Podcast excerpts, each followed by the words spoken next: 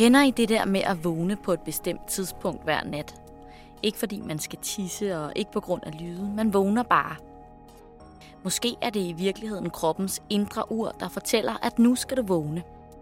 Urværket eller timingssystemet er tilpasset en 24 timers døgnrytme, der svarer til den tid, det tager for jorden at dreje rundt om sin egen akse. Noget, der i øvrigt gælder næsten alle levende organismer på jorden. I de næste 20 minutter kan du høre om, hvordan den 24 timers døgnrytme påvirker vores organisme, og hvorfor den franske astronom Jean-Jacques Odo de Marais i agtagelser af hans mimoser i baghaven i 1729 lagde grunden til, at Jeffrey Hall og hans kollegaer sidste år modtog Nobelprisen i medicin for opdagelsen af det biologiske ur, der findes i alle levende organismer fra bananfluer til blåvaler, pelargonier og pungrotter.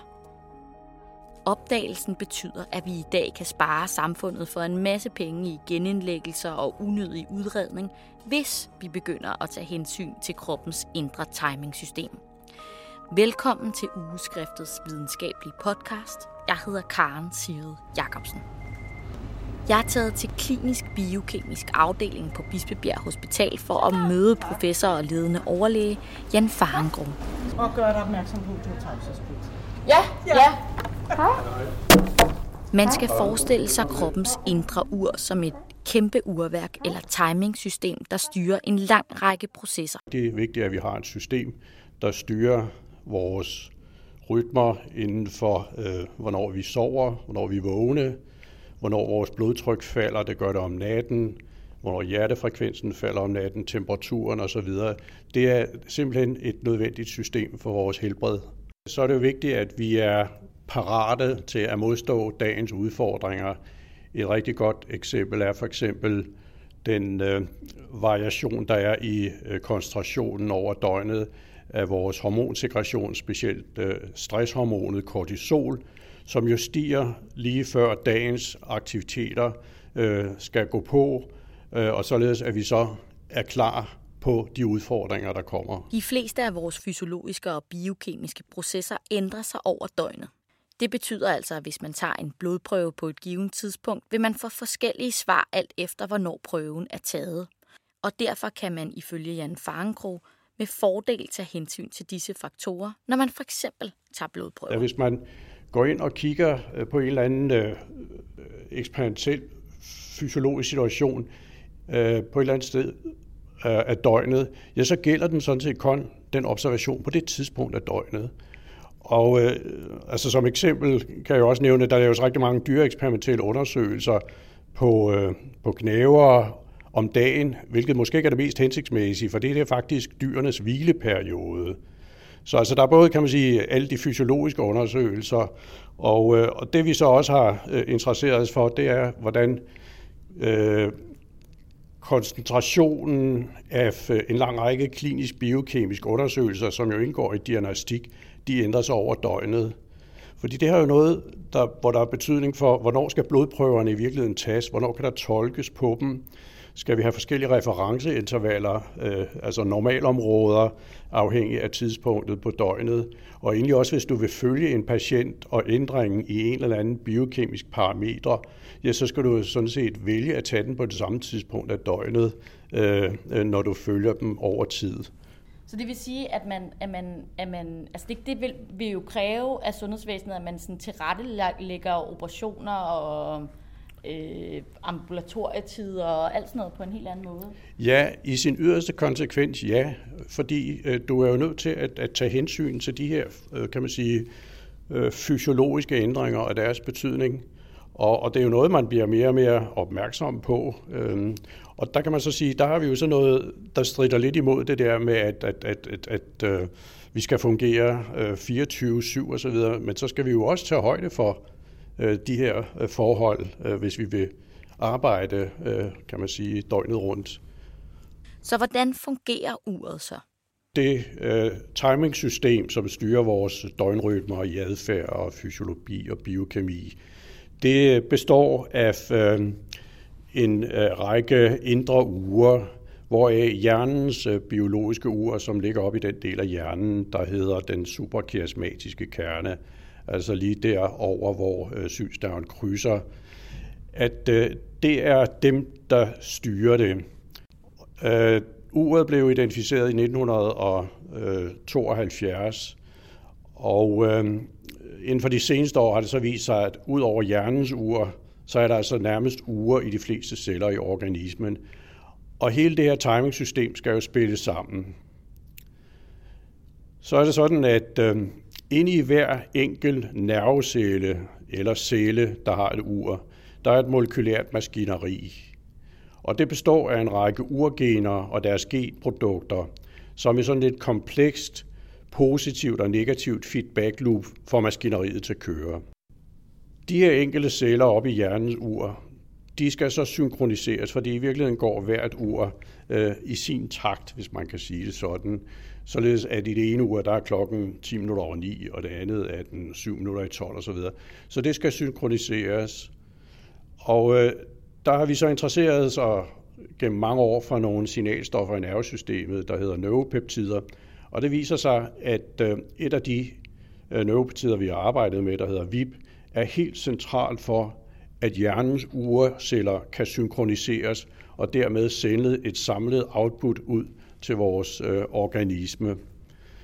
Men det er jo så den ene del af den. Den anden del, det er jo så samspillet mellem hjernens ur og så alle de andre uger. Og det er et rigtig komplekst samspil, som man nu er ved at, kan man sige, få belyst mere og mere. Så systemet, det indre timing-system, er altså et utroligt komplekst system. Og for nu at gøre billedet endnu mere rodet, ja, så arbejder den menneskelige organisme ikke med en præcis 24 timers døgnrytme. Uret går ikke med øh, nøjagtig øh, 24 timer. Uret går faktisk hos os mennesker lidt, øh, kan man sige, langsommere. Det vil sige, at vores fase på uret, den er 24,3 timer. Og det vil sige, at uret skal dagligt øh, justeres, ligesom et ur, der går for hurtigt eller for langsomt. Og øh, det sker primært ved, øh, at øh, der formidles lysinformation fra omgivelserne ind til hjernens ur. Det sker via en nervebane fra nogle øh, specifikke celler ude i hjernens nethinde, øh, og øhm, det har så vist sig ovenikøbet, og det har vi selv været med til at vise, at de her nerveceller, de har en specifik lysfølsom receptor, øh, som er helt forskellig fra øh, stave og tappe, som jo ellers øh, var de eneste lysfølsomme celler, man kendte i, i, øh, i øh, nethinden. Så man kan sige, at hele forståelsen af mekanismerne bag uret og forståelsen af, hvordan uret stilles, er jo rigtig vigtigt for, at man har muligheder for at forholde sig til at kan man sige, justere uret rigtigt, men også at man har mulighed for eventuelt med noget terapi at gå ind og korrigere. Så lys er altså en af de vigtigste faktorer til at styre menneskets indre ur. Og det er her, den franske astronom Jean-Jacques Odo de Marais mimoser kommer ind i billedet. Tilbage i 1729 observerede han nemlig, at mimoserne i hans baghave åbnede og lukkede sig på samme tidspunkt hver dag, også selvom han udsatte dem for konstant mørke. Altså lys er rigtig vigtigt, øh, og øh, det er jo den vigtigste faktor til at stille uret. Hjernens ur skal altså hele tiden justeres for at være i overensstemmelse med den geofysiske tid. Det betyder, at kroppens timingssystem i nogle perioder er mere modtagelig over for lys end andre. Om dagen bliver kroppens ur mindre påvirket af lys, hvorimod det forholder sig modsat om aftenen. Uret kan justeres af lyset på den måde, at hvis man får lys om dagen, betyder det ikke noget, men hvis man får lys øh, tidligt på natten, så bliver urets rykket tilbage, altså urets fase, mens hvis man får lys tidligt om morgenen eller sent om natten, så rykker urets fase frem. Det vil sige, at man på den måde kan, kan justere uret. Men grundlæggende handler det jo også om at tage hensyn til øhm, vores døgnrytmegenererende system i den måde, man lever på. Og sådan de klassiske, klassiske eksempler på noget, der kan gøre det svært, ikke? det er jo det der at, at sidde med en iPad øh, eller en iPhone øh, lidt ud på aftenen eller natten. Fordi når du får det der, og det er så det blå lys, der påvirker den øh, lysfølsomme receptor, jeg har optalt i nethinden, ja, så får du forsinket dit ur.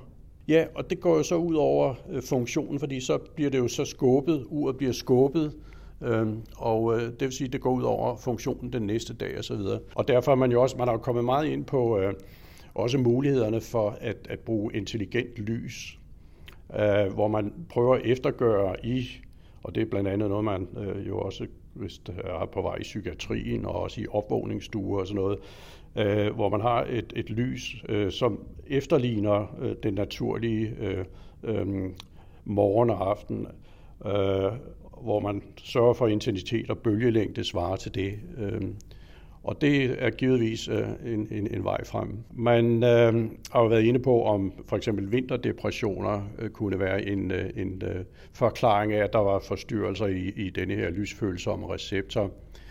Men øh, der er jo også en anden vinkel på det, nemlig at øh, man har en teori om, at, ly, at uret går øh, for langsomt øh, hos de her patienter med vinterdepression. Og øh, derfor så øh, øh, har man mulighed for at rykke urets fase frem, og det gør man ved at give meget kraftigt lys tidligt på morgenen, lysterapi, og det ser ud til at virke.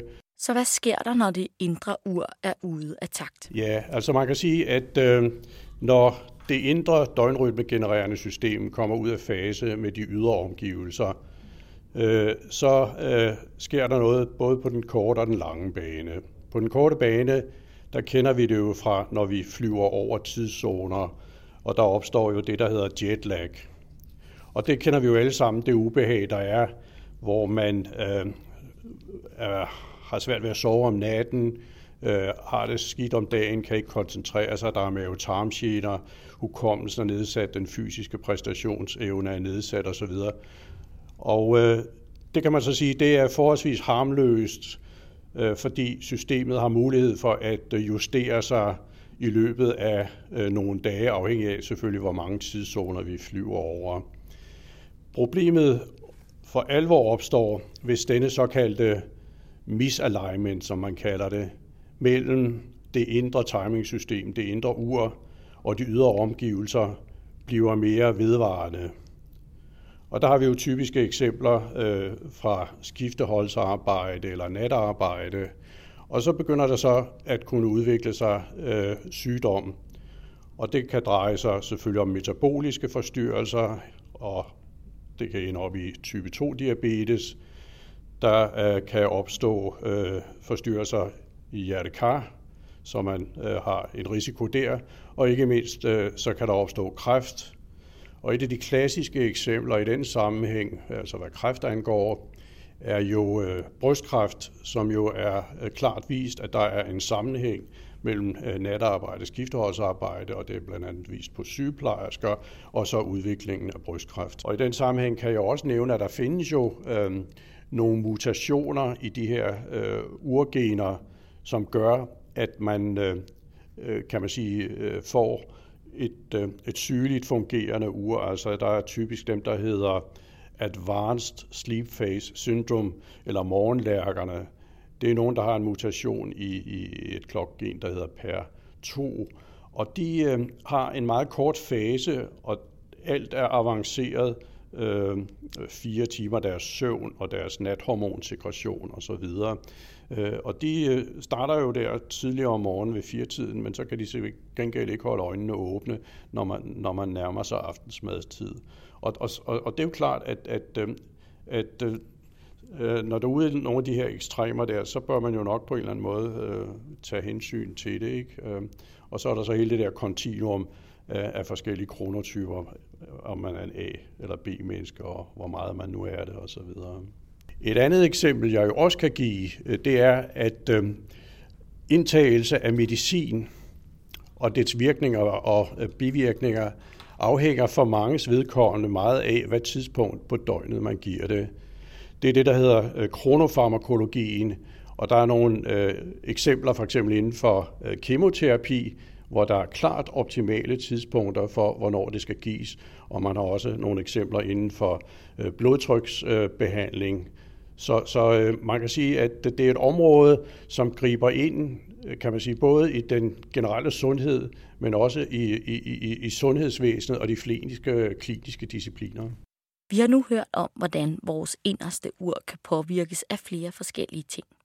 Lys, arbejdsrytme, søvn, men også hvordan det biologiske ur påvirker vores fysiske og biologiske processer. Spørgsmålet er, om der er nok opmærksomhed på de processer, der styres af kroppens indre timing i de kliniske arbejde ude på hospitalerne. Og står vi i virkeligheden i en situation, hvor vi kan gå hen og få langt mere præcise svar, hvis vi tager hensyn til døgnrytmer? Ja, altså der er i hvert fald noget, man skal være opmærksom på her, som vi også snakkede om indledningsvis. Altså både med hensyn til, øh, til resultater, men selvfølgelig også omkring, om det er de optimale tidspunkter, man, man øh, behandler på. Altså jeg har nævnt selvfølgelig noget omkring øh, den medicinske behandling, men der kan jo også være andre indgreb, hvor man kan sige, at det er mere hensigtsmæssigt at lave dem på bestemte tidspunkter. Kan man risikere at komme til at behandle noget, som i virkeligheden slet ikke er der, fordi niveauerne på et eller andet givet tidspunkt er for høje, eller hvad? Altså det, det er der jo en, en, en vis risiko for. Nu kan jeg jo så tale for nogle af de ting, som vi jo, øh, vi jo selv arbejder med, nemlig inden for den kliniske biokemi. Ikke? Og der er jo en risiko for, at der er et, nogle analyse eller øh, af resultater, der ligger uden for normalområdet, men reelt ikke er uden for normalområdet, der giver anledning til yderligere udredning og indgreb. Så, så, så ja. Samtidig viser litteraturen også, at timingen af kirurgi, altså tidspunktet, hvor man opererer, også kan spille en rolle, når det gælder både overlevelse Det man jo også kan sige, det er jo, at øhm, grundlæggende er folk jo forskellige. Vi har jo forskellige kronotyper, og I kender jo alle sammen øh, til A- og B-mennesker. Øh, og, og det øh, er jo også en, en vinkel, og det handler jo om hele det der, kan man sige, molekylære maskineri, som øh, ligger til grund for vores øh, døgnrytmer. At det er jo øh, genetisk bestemt. Og øh, der kan man jo sige, at, at det kommer også ind i billedet, ligesom det kommer ind i billedet, og det er der jo også nogen, der har været inde på, at man skal jo i virkeligheden møde og arbejde på de tidspunkter, hvor man performer bedst, altså hvor det passer bedst til ens kronotype. Men det er klart, at virkeligheden er jo en anden, men, øh, men det er jo nok vigtigt at være opmærksom på de her områder. Og øh, hele det her felt, som jo hedder kronobiologien, har jo fået en, en gevaldig opmærksomhed øh, gennem de sidste 20-30 år. Og man er jo også blevet opmærksom på, at på den måde, vi har indrettet vores samfund, der er der jo mange mennesker, for hvem det er øh, sådan, at, øh, at de har en form for disruption mellem deres indre timing-system og de ydre omgivelser. Og det er jo noget, der både betyder noget for den enkelte, men også for samfundet øh, øh, og øh, samfundsøkonomien.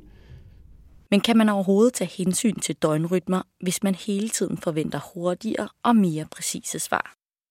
Man har jo i virkeligheden indrettet samfundet øh, på en, hvad det her angår, uhensigtsmæssig måde. Og det der, øh, altså 24-7 samfund, det er jo et stort problem øh, for, for, for, for både øh, den enkelte, øh, der ikke lever regelmæssigt, kan man sige, øh, og, og, og selvfølgelig også øh, for samfundet, fordi der er jo, som jeg nævnte, en lang række omkostninger øh, sundhedsmæssigt øh, ved det. Så, så man kan sige, øh, at øh, jeg siger ikke, at vi skal tilbage til at vågne med hønsene, men, men vi skal være rigtig opmærksom på det her og passe på, at vi ikke, kan man sige, skaber øh, kan man sige, større øh, øh kan man sige, mangel på sundhed og måske direkte sygdom øh, ved ikke at øh, tage hensyn til det her. Og, og hvad, hvad tænker du, der er perspektiver for det her felt?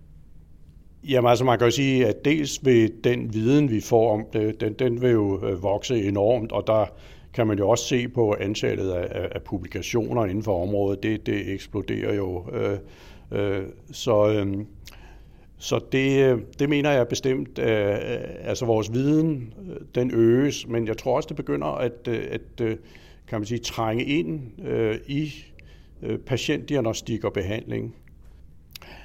Jamen altså, man kan sige, vi, vi ved jo rigtig meget om de basale mekanismer, og det er jo også noget af det, som vi øh, har arbejdet rigtig meget med. Altså, hvordan fungerer uret, hvordan taler ugerne sammen, hvordan justeres cellerne i uret til omgivelserne, Øh, og mange af de der ting er vi jo begyndt at, at have øh, en, en meget fin forståelse af. Og så er det jo så, at man kan gå ind, det er selvfølgelig at tage hensyn til det, øh, hvis der er nogle forstyrrelser i det, men også mulighederne for at korrigere de forstyrrelser, der er. Så på den måde er, er vi jo rigtig langt, og der er jo ingen tvivl om, at det her felt, det kommer jo sådan set til at brede sig ind i næsten alle medicinske discipliner. Det har jo levet sådan en, en, en tilværelse i, i, i Danmark, hvor det sådan er, kan man sige, mere folk, der sådan har øh, brændt for, for, for området, øhm, hvor man i øh, specielt USA jo har øh, store enheder og, og og videnskabelige selskaber for kronobiologi. Altså det, jeg tror, der vil ske er, og det er jo i fuld gang faktisk, det er, at man får øjnene op for det her, og øh, har det med i, i, i næsten alle, øh, kan man sige, kliniske discipliner.